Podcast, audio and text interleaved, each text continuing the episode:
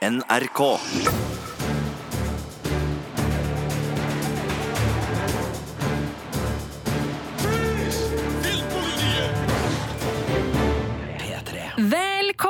Til Filmpolitiets podkast. Det er fredag for oss som sitter her i studio, og det betyr at det er masse gode nye kinopremierer på gang, og vi skal selvfølgelig innom alle sammen.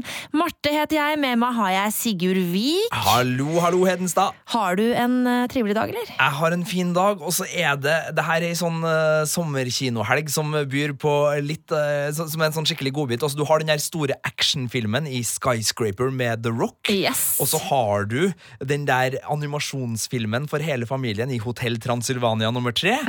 Og så har du den litt rare franske Ja, den filmen. der, den der litt sånn snedige for de som liksom sånn Å, det er så mye kommersielt på kino, og vil heller se noe litt sånn eh, Ja, den er ganske kommersiell, den franske komedien nå, men i hvert fall, velkommen til Paris. Uh, I tillegg til å um, diskutere og anmelde kinopremierene, så skal jeg komme med en liten serieanbefaling, for det har dukka opp en skikkelig serieskatt på strømming som ikke har vært tilgjengelig på, på lang, lang tid, som jeg er skikkelig begeistra for.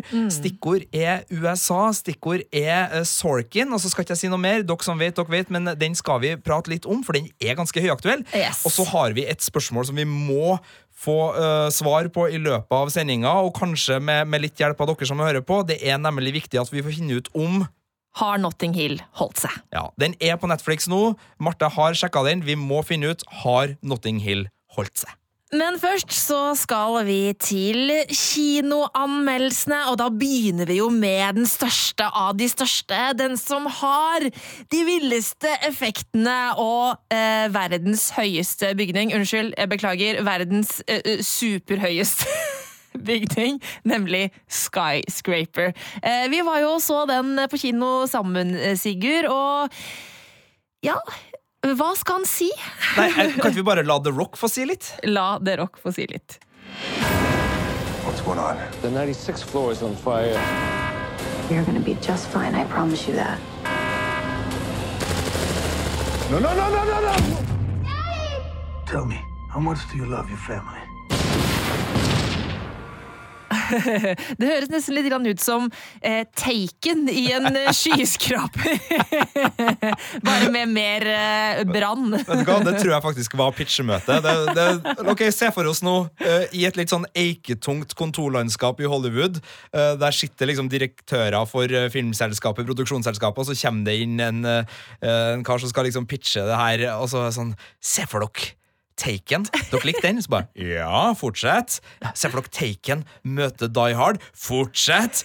I, eh, med The Rock. Fortsett! Og så bare liksom går det for hele gjengen i et sånn gigantisk sånn Ja, det blir kjempebra! Ja. Men det ble jo egentlig ikke kjempebra, Marte. Nei, det var egentlig ikke det, dessverre. Jeg trodde at denne filmen her skulle være mer underholdende enn den endte opp med å bli, fordi jeg syns Dwayne Johnson, aka The Rock, er en artig fyr. Jeg syns han er trivelig. Jeg liker den der sjølgodheten han eh, gjerne skilte med. Um, men det som var litt problemet med Skyscraper, er at den var jo ikke noe særlig morsom. Nei, det her er den tredje kinofilmen i år med The Rock. Altså Jumanji, Welcome to the Jungle, der han spiller sammen med Kevin Hart og Jack Black. Den var ganske artig. Fikk terningkast fire her. Den, den var, det var en actionfilm, men det var vel så mye en actionkomedie. Så hadde du Rampage, basert på det gamle Arkadespillet, hvor du også hadde eh, Dwayne Johnson i en litt sånn humørfylt eh, smadrefest av en film, som også bare var skikkelig artig. Litt sår med, med dyrevelferd, som jeg vet at noen har stussa over, blant annet din ektemann eh, Ja. Vegard, som syns litt synd på gorillaen, og det, det er helt fair, men, men den, den var ikke veldig alvorlig, og den tok seg ikke sjøl veldig høytidelig. Så kommer da Skyscraper, kinofilm nummer tre med det som vi kan kalle den største actionstjerna på Hollywood-himmelen, Ja. sånn blockbuster-messig for tida, sjøl om det er mange andre kandidater.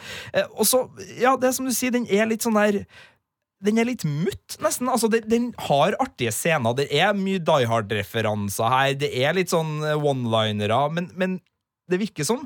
The Rock har tenkt å liksom bli en litt mer sånn alvorlig eh, actionskuespiller. Mer sånn eh, Sylvester Stallone-typen uh, på, på 90-tallet, da han drev og spilte i en sånn der uh, Hva heter de? Desp nei, og den med Antonio Banderas, kommer ikke på hva den heter. Og Daylight og litt flere sånn der sånn Eller, eller Cliffhanger! Ja, Cliffhanger. Den er ikke så ille, da. Men ok. Nei, det, det ille! ja, Snakka vi om det? Jeg elsker. Sylvester Stallone! ja. Altså, hallo.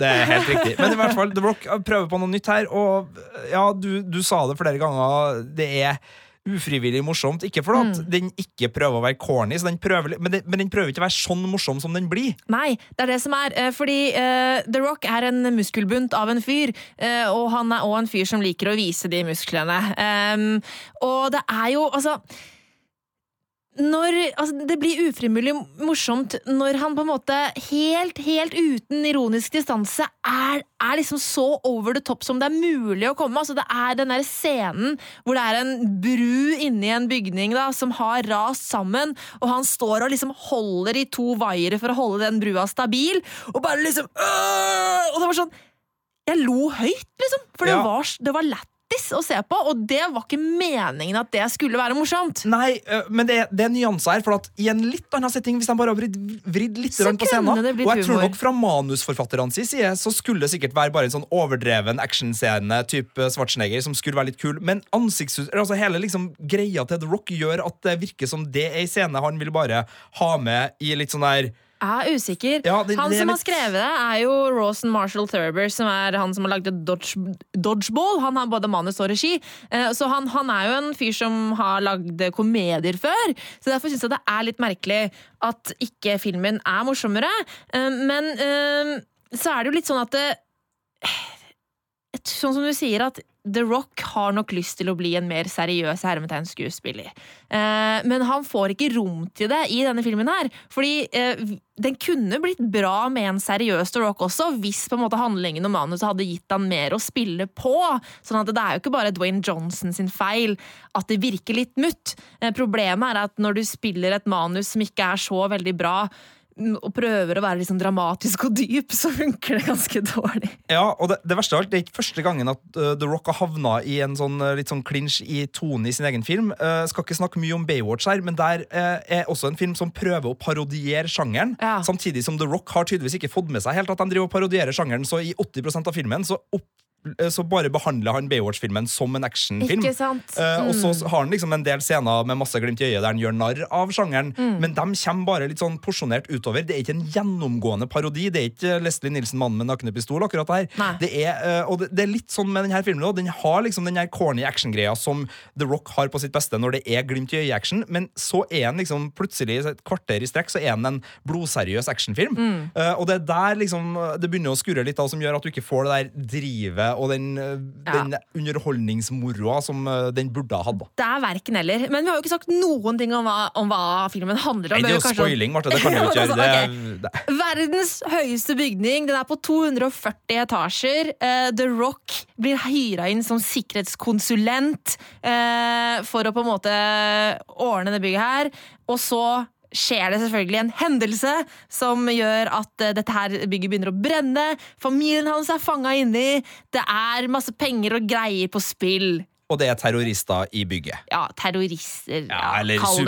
superskurker. Internasjonale superskurker. Ja. Og alt er supert her. Bare, det her er en sånn film som ikke gidder å forklare vitenskapen, nå, så den bare Nei. putter ordet super foran alt. Yes. Så det er en superstressa situasjon der en superteknologisk bygning Ja. who has uh, Ja, men altså sånn i, det, er sånt, det, er sånt det er et sånt foredrag eh, hvor liksom uh, The Rocks kan på en måte legge frem liksom sikkerhetsplanen for bygningen, presentere, og så er det bare sånn uh, It's the most secure super tall building in the world. It's a superstructure. Sånn super tall building er et begrep. Det er et faglig term, liksom. Så det er sånn, vi er Nei, på det nivået. Ja, og Eh, det er masse usannsynligheter. New Campbell Ja. spiller kjæresten slash barnemora inni der. Kona er det vel muligens. Jeg fikk ikke Ja, med det meg-. Det er kona. gift, ja. uh, gjør en helt ok rolle. Du har noen gode skurkeskuespillere som får lov til å gjøre sin rolle, men alt i alt så er det her en forglemmelig lettbeint versjon av Ja. det Die Hard og katastrofefilmer har gjort før det. Er det så mye usannsynligheter. Altså, grei, altså, jeg er helt med på at actionfilmer kan være usannsynlig.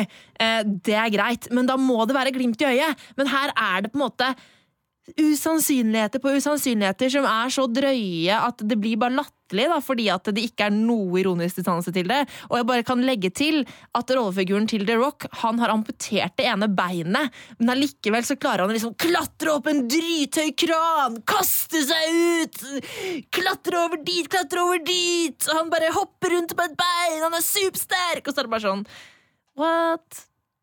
Ja, du har jo sett han Blade Runner, det, altså protese. Det er jo den nye Det er jo, det er jo, Android, altså, det er jo Terminator. Han Marte. Blade er Runner-duden hadde ikke klart å klatre opp en kran på 100 meter, eller hva det er. Men Um, nok om det. Det var du som uh, slengte uh, terningen på den her. Ja. Det var vel en ganske sånn grei affære, var ikke det? Jo, det ble terningkast tre fra meg. ehm, og grunnen til at den får tre og ikke dårligere, er at den ser jo kul ut. Ja, og og har det er jo noen kule actionscener inni der som, som redder den. Og jeg, og jeg tenker at hvis du elsker actionfilm og ikke er så veldig nøye på usannsynligheter eller hva det handler om, eller noe som helst sånt, så, så kommer du sikkert til å bli underholdt. Ja. Men det er ikke, det er ikke en veldig god eh, film, altså. Nei, men vi må gi pluss i margen, fordi det her er en sånn film som uh, det er artig å diskutere i vennegjengen etter at dere har sett den. Så den er kul å se Mm. på kino bare for å ta et glass etterpå og bare liksom Nei, fy søren, det Ja. der var rare greier. Og det der var rare greier. Og så er det jo selvfølgelig ikke tilfeldig at den filmen her har premiere samme uka som Die Hard fyller 30 år!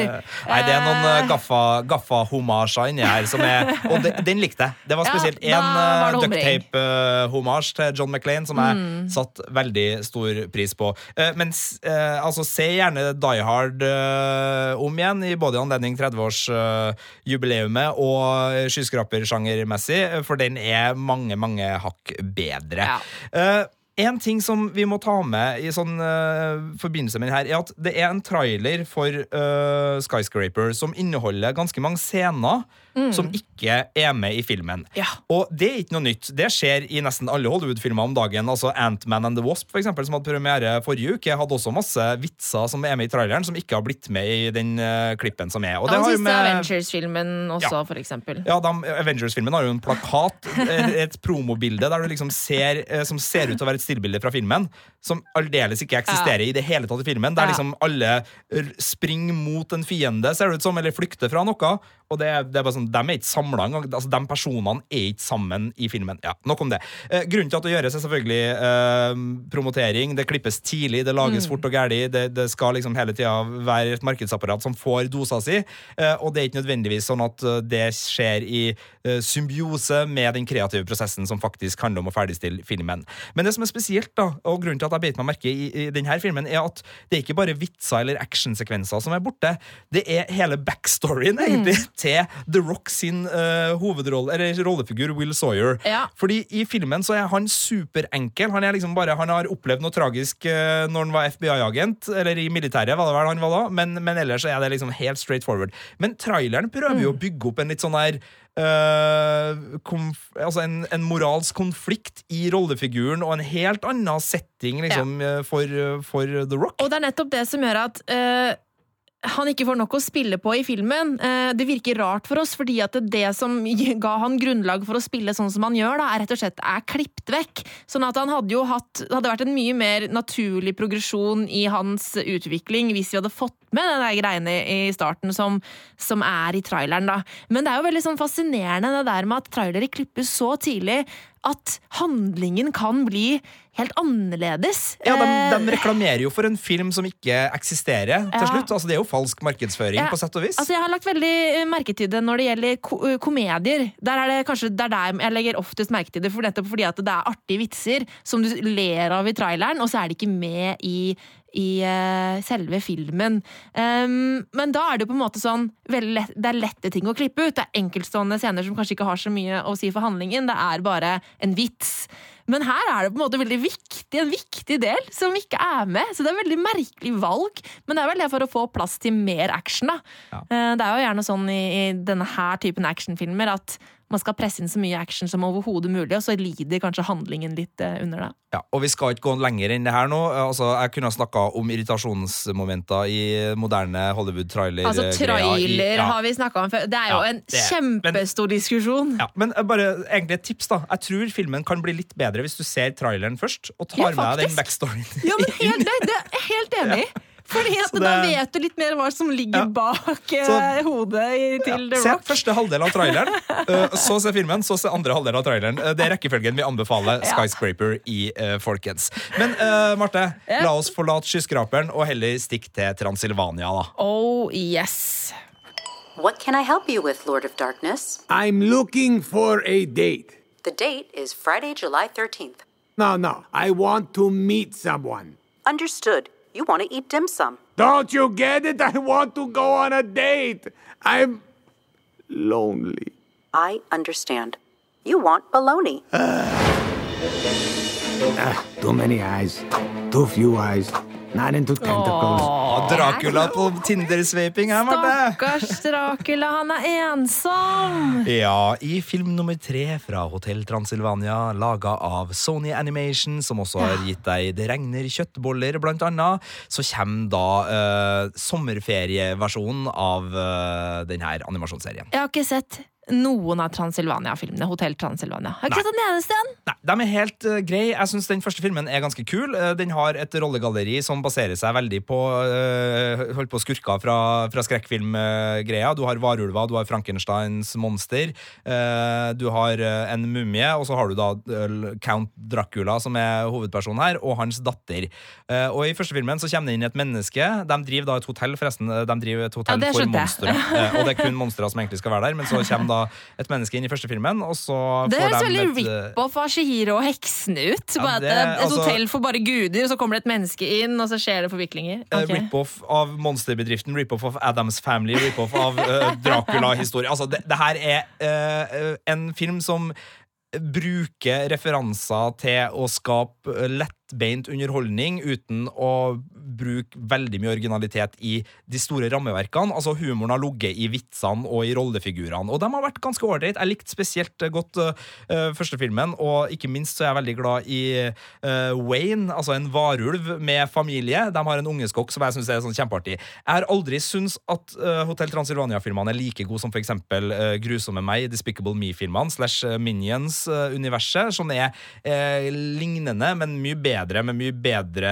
rollefigurer, mye bedre spenningshistorie i bunn, mye mer originalitet, og jeg syns jo også sårheten og søtheten i uh, Grusomme meg er mye bedre enn i Hotell Transylvania-universet. Men det her er liksom allikevel mer enn bra nok til å få uh, seksåringene til å flire masse, og familien til å humre med. For det er liksom Det er nok dobbeltbunn i alle vitsene, da. Ja, for det er alltid det jeg lurer på når det gjelder animasjonsfilmer. Om det er morsomt for både voksne og barn. For, for det er sånn, jeg unngår de filmene som åpenbart bare er for barn. Okay, vil de du ha får ikke jeg noe ut av. Et eksempel på hvordan vitser er her, da. Ok. Uh, eh, ok, Kjapt handlingsreferat. Uh, Van Helsing, den kjente vampyrjegeren, Ja. er på jakt etter uh, alle monstrene, samtidig som de har dratt på ferie, fordi at eh, Dracula da, han er litt ensom, og dattera misforstår den her dategreia til at han bare vil ha litt fri, så de drar på cruise. Okay. Uh, ja, så de er på cruise. Hele gjengen er på cruise, og Van Helsing jakter. Eh, og så er det sånn at hvitløk er skummelt for vampyrer, ikke sant? Ja, ja. Så i et forsøk på å drepe Dracula, så får han en guacamole med masse hvitløk i til nachosen er- sin. er på- på dekket. det er ikke noe problem. Eh, og de tror da at han skal dø fordi det er hvitløk. Men Ja. så viser det seg at han er ikke eh, hvitløk eh, Altså det er ikke dødelig, Han er ikke bare, han er bare hvitløksintolerant. Uh. litt som glutenallergien her, altså, så han blir litt dårlig i magen og fis. Så der har du liksom Akkurat Han fis, ja.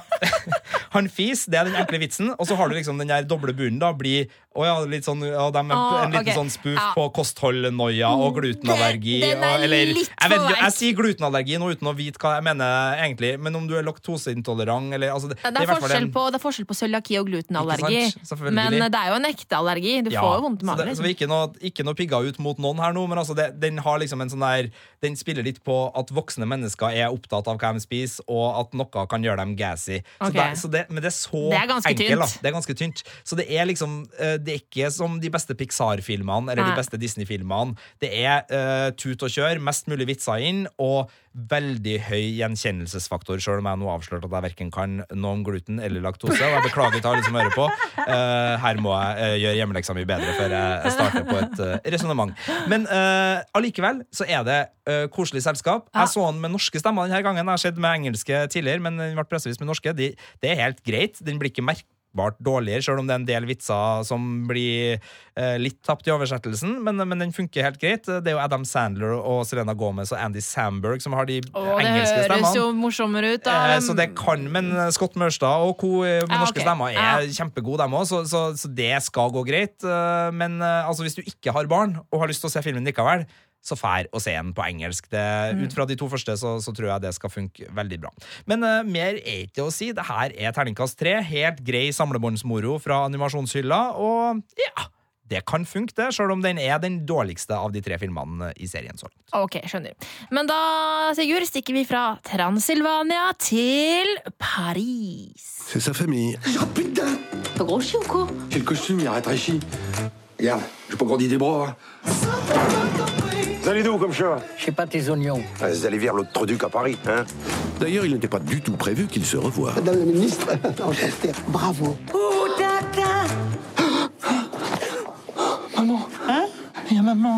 Je, je m'appelle Marthe. J'habite à Trondheim. J'ai vingt Non. Je vingt Nei. Jeg stopper deg her, Marte. Je Jeg stopper deg her, Jeg stopper deg her, Marte. Eh, velkommen til Paris. Eh, undertittel 'Ingenting er som familien' er oppfølgeren til den veldig populære 'Velkommen til Stiene'. Ja. Eh, en film som ble Jeg tror det er den mest, nest mest sette franske kinofilmen noensinne i Frankrike. Elsker Ja, de den elsker komedien. Jeg har ikke sett den. Den fikk terningkast tre av vår kollega Birger Vestmo da den kom på norske kinoer i 2009. Ja. Men den er liksom, det er litt som uh, Birger sammenligna uh, den for franskmenn med uh, heftig og begeistret for oss i Norge. Den tar liksom tak i noe som er litt sånn urnorsk. Og, og kjempekoselig og litt sånn eksotisk, Mm. og, og spiller det ut for et kinopublikum som går mann av huset. For å se det. Uh, jeg har ikke sett den filmen, du har ikke sett den Nei. filmen, men vi har begge sett uh, oppfølgeren, som Ja. ikke er en direkte oppfølger, men en tematisk oppfølger, og som nok en gang da handler om forskjellen mellom bygd og by. Og uh, det her er Språk er et tema Ja, som illustrer, dårlig illustrert av meg. Ja, det er en forviklingskomedie. Mm. Den handler om en kunstner, slash designer, i, i Paris, som er veldig snurpete og, og veldig populær, som lager møbler du ikke klarer å sitte i, men som Mm. Som allikevel er på omslaget til alle de store magasinene. Eh, han later som han er foreldreløs for å liksom ha en sånn mystisk aura av hvor han kommer fra. Eh, men så eh, kommer mora hans, som er fyller 80-årsdag, og resten av familien på overraskelsesbesøk. Og det viser seg da at han kommer jo egentlig fra den groveste bygda, og der blir da hans kamp for å holde dem her skjult fra sine venner og sine omgivelser det store greia. Ok, Designer som må skjule bøgdefamilien sin for å ikke på en måte miste eh, sitt, uh, sin liksom viktighet. Den filmen har jeg sett før. Den heter Sweet Home Alabama og har Reece Witherspoon i hovedrollen. Ja, uh, og det her er jo bare uh, Altså, um, du, du har en dash Selskapsreisen, du har en dash uh, Beverly Hillbillies, du har en dash Mot i brøstet, og, og du har så mye uh, amatørrevy-type vitsing at jeg blir sliten i hodet mitt. Ja. Men det som jeg nevnte innledningsvis her nå, er at språk er en viktig del av filmen. I det som jeg regner med er landsdelen oppe i nord, Sti, eller noe sånt, eller om det er en type folk, de snakker veldig bredt eh, og er eh, veldig liksom øh, hva heter det? De er, de er dumme, liksom, i denne filmen. Og det, det, legges veldig opp til at de fine pariserne de klarer ikke å forstå den der utrolige bøgdete talemåten til stifolka. Nei, eh, og det her gjøres det store nummer ut av, og liksom hele de franske klasseskiller bygges inn i det her fonetiske ytterpunktene da, som de driver og pøser ut med. Eh, Det er ikke spesielt raffinert humor, for å si det enkelt. Altså, for eksempel der eh, Ruben Østlunds The Square også sparker mot eh, fasaden til en litt sånn hul kunstverden, og virkelig med poengtert humor kler av den, Ja. så er det her bare sånn der eh, Arkitektene er dumme som lager møbler som ikke er funksjonelle, da. Ja, men det som jeg syns er problemet, eh, eller et av problemene med Velkommen til Paris, er at ja, den sparker lite grann mot de, de fisefine design-Paris-folka, men den sparker jo mest nedover. Altså, den er jo så fordummende. De er jo idioter med lav IQ, denne familien eh, til eh, designeren. Ja, men med et stort hjerte, Marte. Og det, ja, ikke sant? Jeg er helt altså, enig med deg. De Altså, de er helt idiots, liksom. De driver og heller Zippo-bensin på salaten For sin. da smaker det bedre. Da smaker det bedre, da smaker det liksom ekte. Eh, og det er liksom ikke måte på hvor Altså, de, de er dypt ulykkelige hvis de mister mopedene sine. Altså, det er så mye fordomsfull Altså, eh, stereotypivitsing. altså, hvis jeg hadde hatt en moped og hadde mista den, så hadde jeg òg blitt lei meg. Jo da. Eh, men eh, men eh, ja, det, det, det er liksom Det blir dratt så langt. Ja, og det er ikke det at man ikke kan drive med sånn vitsing, men når man bare gjør det, og gjør det på enkleste vis hele tida, så nærmer man seg til slutt det punktet at sjøl om liksom, eh, budskapet til slutt handler om toleranse, og at det ikke spiller en rolle hvor du kommer fra hvis du har drevet og gjort narr av folk gjennom en hel 90-minutters film, mm. så, så er det jo en viss fare for at du egentlig bare bidrar til mer fordommer mot eh, de her stereotypiene. Så jeg syns absolutt ikke at eh, Velkommen til Paris lykkes. Eh, den er en ganske sånn mobbete og simpel film, som jeg syns er lite morsom. Og den føles som noe som hadde blitt laga på 80-tallet, egentlig. Føles eller- ja. Eh, Veldig utdatert, humor. eh, Og jeg, jeg, jeg tenker at det må være en veldig enorm kulturkrasj mellom fransk og norsk humor. Eh, Vi skjønner tydeligvis ikke hva de syns er morsomt. Eller altså, vi skjønner det jo, vi skjønner hvorfor det skal være morsomt, men jeg bare skjønner ikke at de syns det er morsomt. Og jeg regner jo med at det her er den samme type humoren som var i den første filmen. Eh, og det er jo da liksom den mest suksessfulle komedien noensinne i Frankrike, liksom. Ja. Men uh, altså, det, det, det er Nils imot i brøstet-humor der, da. Eh, på et vis, altså Det er å sparke av seg skoen i veggen uh, fordi at han ikke kan bedre, fordi at han ikke er bedre oppdratt. Det er den type le av-humor. Og Ja. for all del, jeg flirer av den sjøl, og det er ikke sånn at det ikke går an å kose seg med den her på noe som helst punkt, men du må virkelig elske den type humor av hele ditt hjerte. Den er litt sånn brautende. Du må nok også kanskje eh, Eller ha et veldig godt innblikk i det franske samfunnssystemet og språket. Ja. Jeg tror nok den er, er Vi er nok litt sånn uh, hemma av at vi ikke virkelig kjenner til Ja. denne regionen og Det hvordan de oppfatter hverandre, men, men lell, da, så, så liker ikke jeg det. Og så er det en advarsel vi må komme med. Ja, og det er tekstinga. Altså, Den er jo helt grusom, for, for å understreke at de snakker forskjellig. Altså, Man kan jo høre det, selv om man ikke kan fransk, så hører man at de snakker ulike dialekter, men for å understreke hvor da uforståelig sti-dialekta er for parisfolka, så har de teksta det uforståelig. Ja, Det går fra bokmål til grautmål på tekstinga, og det er så mye konsonanter og så mye rare ord der at du blir liksom Det er sånn, jeg, jeg skjønner ikke. Da er det liksom sånn S-C-H Jeg skjønner ikke. Altså, ikke Det er liksom og, og det, det, Jeg klarer ikke å Det er fullt mulig det. å tolke det, men du bruker tid på å lese den norske teksten, Ja. i, og og den tida bør du heller prioritere enten mot handlinger eller mot uh, andre ting. Altså, det, det tar unødvendig mye oppmerksomhet, og så tilfører det ingenting annet enn Vi hadde forstått at det var Ja. dialektforskjeller, Ja. selv om eh, tekstingen ikke hadde vært sånn, altså. Og her syns jeg nesten den norske tekstinga, og du var inne på det, det her er ditt poeng, bidrar til å gjøre enda mer narr og gjøre dem enda dummere. Fordi det er ikke én norsk dialekt, eller noe sånt. Det er liksom ikke bonsk, det er bare sånn der Det er de kan ikke snakke ordentlig. Mm. Og det er jo et enda styggere poeng enn uh, du har en rar dialekt. Ja. Så, så sånn sett så er den nesten enda mer ufin, den norske tekstinga, men det er noen, et sidepoeng her, da. Men uh, nei, alt i alt, en kjempeirriterende film å se. Ja, det var dritirriterende. Altså, jeg satt, uh, når jeg syns ting blir sånn ille og flaut, og sånn, så begynner jeg å ta meg selv i fjeset. Jeg begynner å gni meg selv sånn i kinnet. Sånn, oh my god, Så begynner å smurpe munnen min med hendene og sånn.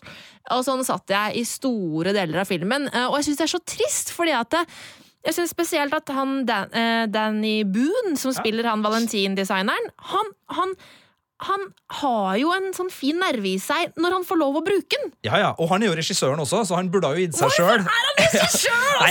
Men det er jo nettopp det. Det her er jo kjempeflinke franske skuespillere. Altså Grunnen til at vi er så strenge nå, er, altså, er jo fordi at vi forventer så mye bedre av dem. Mm. Eh, Det er jo derfor vi er brutale her nå. Men øh, altså, hadde det her vært en, en øh, debutfilm og, med amatørskuespillere, så hadde vi kanskje vært mer Men altså, det Nei. her er storressursfilm, og da er det ingen unnskyldninger overhodet. Uh, og den har nok sikkert gjort det bra på franske kinoer, den her, og siden den eh, sikkert. kom til Norge. Og det er mulig jeg og Marte er, er, er missed the Altså, point her, men sorry hvis det er noen franskmenn som hører på, men jeg tror dere har dårlig humor, ass.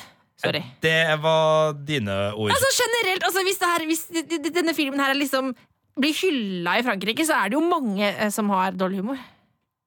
Er du ikke Det enig? er de, dine ord. de som hyller denne filmen her, har de dårlig humor, Sigurd? Eh, Har jo det! De som elsker denne filmen, har jo dårlig humor! Den får terningkast to, den her eh, Velkommen til Paris. Uh, og så uh, er det bare å sende mail til Marte Henestad hvis dere nå følte dere forulempa på noe som Yes. helst vis. Eh, Marte.hedenstad.nrk.no. Du får, dere får kjeft på meg hvis, hvis jeg var for slem nå, men sorry, altså, folkens. Det der var rett og slett for, for ille, syns jeg faktisk.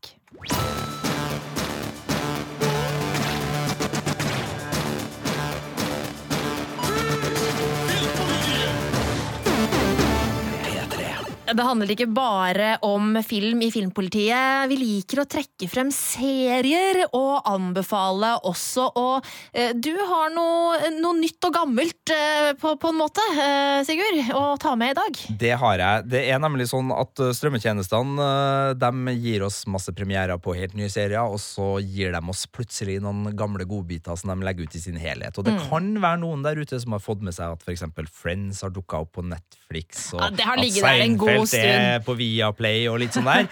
Uh, og så er det én serie da som jeg tror fremdeles ikke er gitt ut på Blu-ray. Den fins i et DVD-sett som er ganske kostbart. Og så lå den ei lita stund ute på Viaplay, men nå har det liksom vært sånn flere år der jeg ikke har hatt tilgang på den.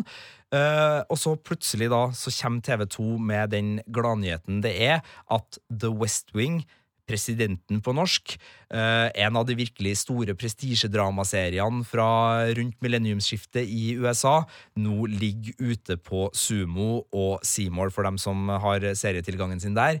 Og det er for det første så er det en fantastisk bra serie. Den har blitt hylla av alle, så den trenger liksom ikke noe mye mer skryt av meg der. Men det er også en ganske artig serie å se igjen nå, fordi den er veldig aktuell. Altså Den handler jo om den amerikanske presidenten, da, spilt av Martin Sheen, og hans stab av taleskrivere, pressearbeidere og hele det kontoret som er da i Det hvite hus, i, i Vestfløyen. Og øhm, det er på egne bein veldig godt. Det er jo Sorkin som har laga det her, så det er jo noen taler og noen, øh, noen øh, dialogstrekk som bare er helt nytelse. Men så har den også en del sånn fine poeng som dukker opp. Jeg, har drevet, jeg er nå på sesong fire. og begynte bare å se det igjen. For jeg ble helt Hæ? Sesong fire, da har du sett mye. Ja, For du ja, ja. begynte jo nettopp å se det. Jeg har begynt øh, når det kom øh, for noen uker siden, å, se det på nytt igjen. Og, og jeg storkoser meg. Altså, det er så, øh, så godt selskap. Altså, Rob Love er bare helt nydelig i denne serien, og det er, det er så mye fint. Og så er det liksom sånn uh, Det er sånne tema da, som for eksempel at uh, politikere bør være forbilder og ikke bare liksom prøve å komme seg unna med alt. Det er jo selvfølgelig en klisjé, men det er også noe fint med å liksom bli påminnet det. Og i dagens både norske samfunn og, og ikke minst amerikanske samfunn så er det et poeng som også jeg tror politikere bør ta til seg litt. Altså, det politiske spill er et system, og det er kjempelett å bare kamuflere seg bak det og gjemme seg bak det. Og så er det kjempelett for dem å dukke opp av og til når det er House of Cards og si sånn ja, ja, vi kjenner jo oss litt igjen. Og, ja, sånn der. Men faen, øh, man kan bli litt sånn deprimert av å liksom se hvor langt unna vi faktisk er. Eh, det at politikere virkelig virkelig er villige til å ofre sin egen posisjon for å få igjennom det de tror på. Fordi det handler mye om å berge sitt eget, Sitt eget rev. ja. Det Mm. gjør det jo i serien her òg, men av og til så er serien her liksom flink til å bare la sine forbilder ta støyten og stå for Enten det er øh, ting de har sagt som blir opplevd galt, eller tabber de har gjort, og, og liksom stå i det. Og det er noe, jeg, altså jeg kjenner jo ikke det politiske indre liv veldig godt, men jeg bare kjenner at det er et savn jeg har. Jeg føler ikke at det er så mange norske politikere eller amerikanske politikere som tørs å stå i det, og tørs å si helt ærlig hva som ikke funka og ikke funka. Og si unnskyld og sånn. Ja, det er, jo, det er jo en egen kategori, det å si unnskyld som politiker. Ja. Uh, men, men den er inne der. Uh, og så er det også uh, noen, noen artige poeng. Sånn som I går så satt jeg så en episode der det handla om valgkamp og liksom hvordan man skulle bake inn sine beskjeder. Og da er det en, en politiker som har drevet og tatt masse sånn her kremsitat fra litteraturen og bygd dem om, og, og liksom kjørt dem ut i sånn lykkekakeformler.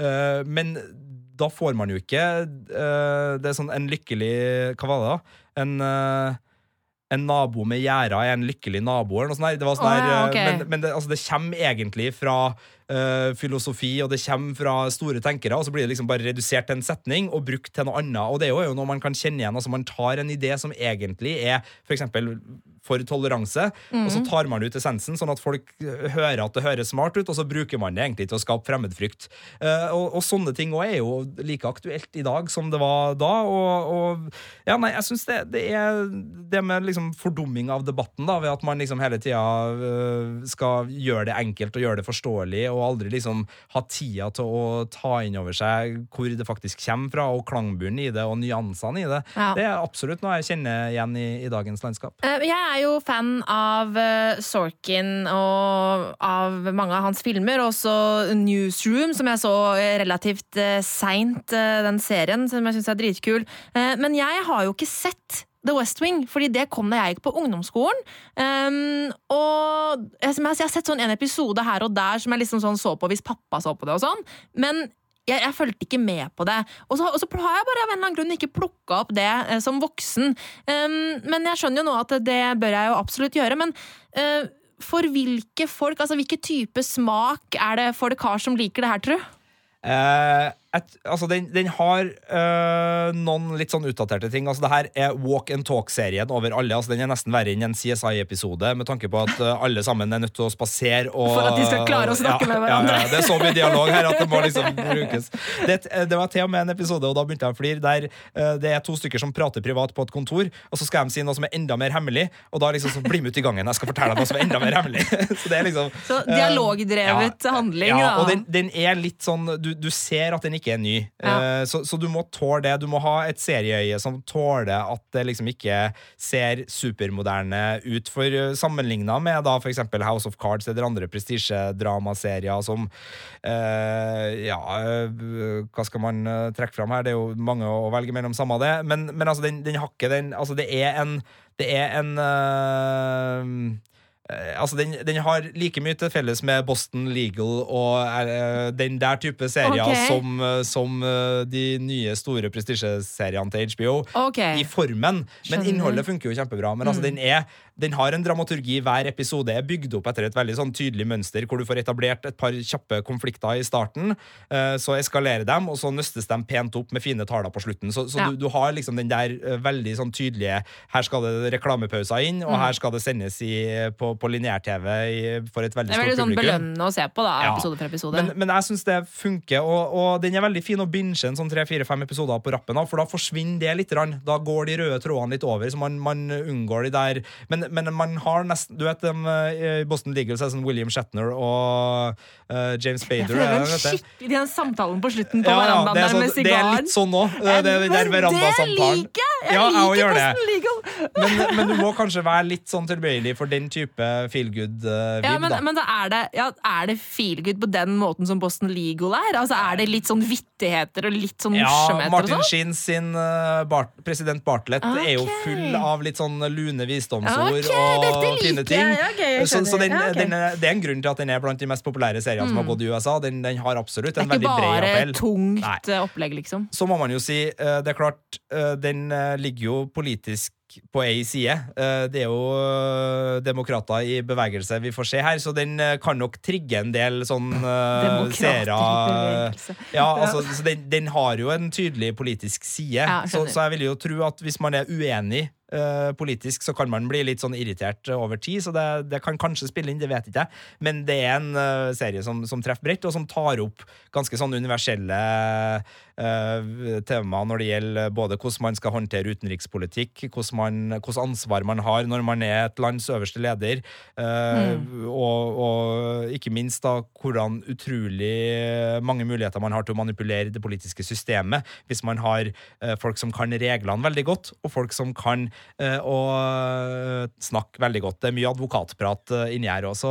Nei, jeg liker den. Nå har jeg skravla masse. Men- Bruk heller tida til å sjekke den ut, tenker Ja, hvor mange sesonger er det egentlig? Det er vel sju sesonger. Det er de fire første som er de klart ja. beste, syns jeg. Men alt Eh, ligger i sumo? Alt ligger i sumo. Rob Love ga seg etter sesong fire. Eh, Da gikk det i en litt annen retning, men, men eh, den er jevnt god i hele veien. Og ja, nei, det er Å, juleepisodene. Bare liksom juleepisoder. Ja, det er, det er så mye fint. Det er jo sånn drøyt Det er vel 22 episoder i hver sesong. Det som også er artig, at det her serien gikk jo øh, før og etter øh, 11. september. Så den øh, er jo historisk interessant bare for å se hvordan underholdningsbransjen håndterte øh, denne hendelsen. Uh, for det er det. Og den har sånne spesialepisoder hvor Bill Clinton og flere andre liksom snakker om den er troverdig eller ikke. Oh, så, ja. så den har mye sånn ekstrastoff, og alt det ekstrastoffet ligger også ute nå på, på Sumo. Så okay. det er en liten skattkiste for dem som er, er glad i politisk drama. Uh, det her er rett og slett bare en, en liten klassiker, og verdt å se både for gamle og nye seere. Filmpolitiet.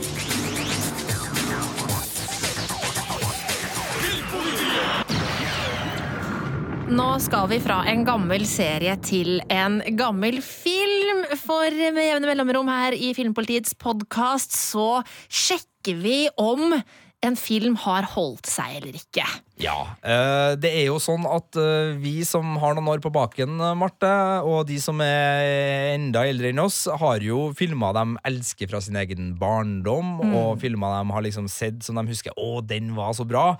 Og så gir jo liksom både videobua og strømmetjenestene oss mulighet til å ta et tilbakeblikk, og av og til så er det liksom sånn 'Ja, den er like god, den er fin, den der', og av og til så er det litt sånn her 'Oi'. Den, den, den så det. sånn ut, ja. Altså sånn at man angrer på at man så den på nytt. For du Ja. liksom Å nei, nå ødela jeg det fine minnet jeg hadde om den Ja. filmen.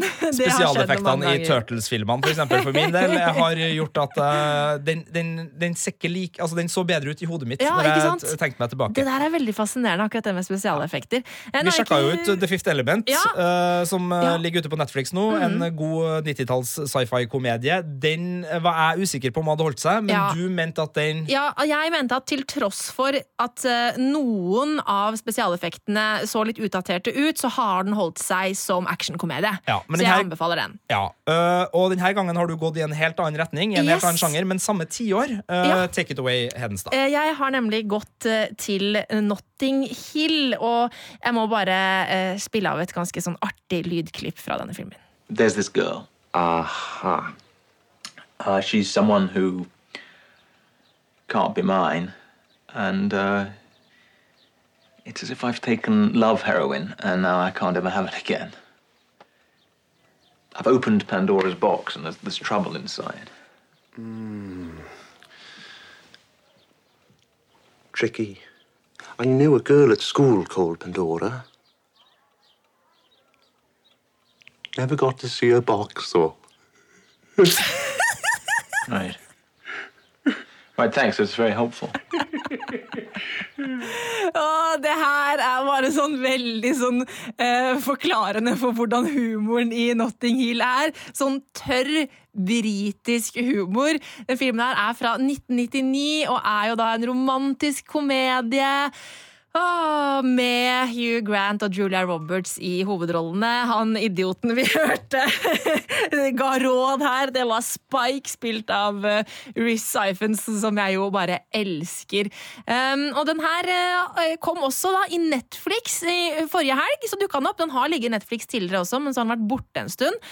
Uh, så nå hadde bare sånn, da den eh, kom tilbake, så er det bare sånn eh, altså, trangen til å se Notting Hill på nytt eh, meldte seg. Men Sigurd, eh, du har forhold til den, du, eller? Ja, jeg, både så den da den kom, og har sett den siden. Det er jo en, eh, en, eh, en av de bedre uh, reindyrka romkom-filmene fra 90-tallet, det syns Yes. jeg. Og jeg, jeg likte den veldig godt da den kom, sjøl om det aldri var den sjangeren jeg eh, brukte mesteparten av min tid på. Eh, men, men jeg, likevel, eh, jeg likte den. Jeg synes, de, eh, altså, Det som skiller seg ut da, er, for meg på den filmen, her, er at den har et veldig koselig nabolag. Mm. Eh, Jeg har vært og rusla i Notting Hill. Jeg syns de klarer å selge Notting Hill som en mye mer sjarmerende plass enn den faktisk er, for den er jo et litt snobbete strøk, Nei, nei, men altså, London. eh, altså Notting Hill har jo blitt ødelagt av filmen ja, Notting Hill. Det, Det var et koselig Ja, sted, og så etter at filmen kom, så har det jo bare blitt liksom Ja, eh, men i hvert fall, ja. Nabolaget funker i, Mm. i filmen. Uh, jeg syns det er en sjarmerende setting. Han driver bokhandel, det er Og en koselig. sjarmerende vennegjeng. Det er veldig, det er nettopp det. Og så er det jo Julie Roberts og uh, Hugh Grant, uh, og for så vidt Riz uh, Ifans, Ifans eh, eh, i eh, litt sånn eh, på, høyde, på høyden av sin, eh, sin karismatiske karriere. Mm. Så, så den funker veldig bra. Eh, Den er litt eh, langdryg, husker jeg. Jeg syns, jeg husker jeg syns den gikk noen runder for mye for meg, med litt sånn att og fram. Eh, Det er vel ikke den Ah. kjappeste filmen i skuffa, men den har nok sjarm liksom, til å, å være det. Men eh, jeg trives nok bedre i vennegjengen enn i kjærlighetshistoria, husker jeg, fra, Ja. den, eh, fra den filmen her. Men, men hvordan var den eh, på, på Eh, gjensyn? altså, det, eh, jeg må bare si, det er jo Richard Curtis som har skrevet den, og det er jo han som har lagd Love Actually, Fire bryllup og en gravferd, eh, og da Notting Hill. Og eh, jeg er enig med deg i at den er kanskje best i vennegjengen, men det jeg liker så godt med den filmen her, er at Ehm, altså Hugh Grant sin rollefigur på en måte deler hele tiden sine følelser uh, om Anna Scott, da, som hun heter, Julia Roberts, med vennegjengen. Og det er sånn mange sånne herlige sekvenser hvor han liksom, sånn som han gjør da til Spike her, forteller hvor, hva han sliter med og hva han føler, og så får han mye gull tilbake, da. Um, men jeg er jo veldig fan av Hugh Grant, Uh, og jeg er uh, veldig fan av denne filmen sånn fra gammelt av. Så det var, sånn, det var litt vanskelig for meg å, å klare å se den med et sånt objektivt blikk for å liksom ikke bare liksom meske meg i det nostalgiske, men faktisk liksom klare å sjekke om den har holdt seg eller ikke. Men jeg tror jeg har klart det. Eh, For det er, det er noen ting som på en måte ikke har holdt seg, og som da handler om at det her er jo en film fra 1999. Um, og da tenker jeg på sånn Det er mange ting i filmen som kunne ha vært unngått hvis de hadde hatt mobiltelefon og sosiale medier, for eksempel. Åh, er ikke hele grunnen til at hun blir med hjem til den fordi at hun skal låne telefonen? Jo. Så hele filmen i dag ville på en måte bare blitt Ikke strøket med et Ja, sånn at det, liksom, sånn det ville jo ikke fungert i dag. Sånn at det for nye seere så tenk, vil de kanskje tenke at det er litt rart hvis ikke de da på en måte tenker over at filmen er gammel. Så du må på en måte godta filmens alder for å, å på en måte godta premisset for den. da. Eh, men det føler jeg det er greit. Det har ikke jeg noe problem med. Jeg har levd uten mobiltelefon. på en måte. Eh, men også er det også et, et annet element som, som, eh, som jeg syns fungerer. Eh, det er litt utdatert, men du kan også sette det i en ny sammenheng i dag. Eh, dette med at det er noen bilder eh, som kommer på avveie. Um, og da snakker da Anna Scott om alle å, papiravisene, avisene. altså blir, Ting blir arkivert, det blir aldri glemt, og disse bildene blir tatt opp igjen når, og skriver om det neste gang en avis lager en artikkel. Det er også noe som måte føles litt utdatert, utdatert å snakke om. Samtidig som det er ganske aktuelt, med tanke på at ja, i dag så lever bilder for alltid på internett, sånn at temaet funker, selv om kanskje liksom formen på det eh, er litt gammelt. Men det er jo ikke noe som på en måte skader historien i filmen. Du må bare være klar over at dette er en film fra 1999.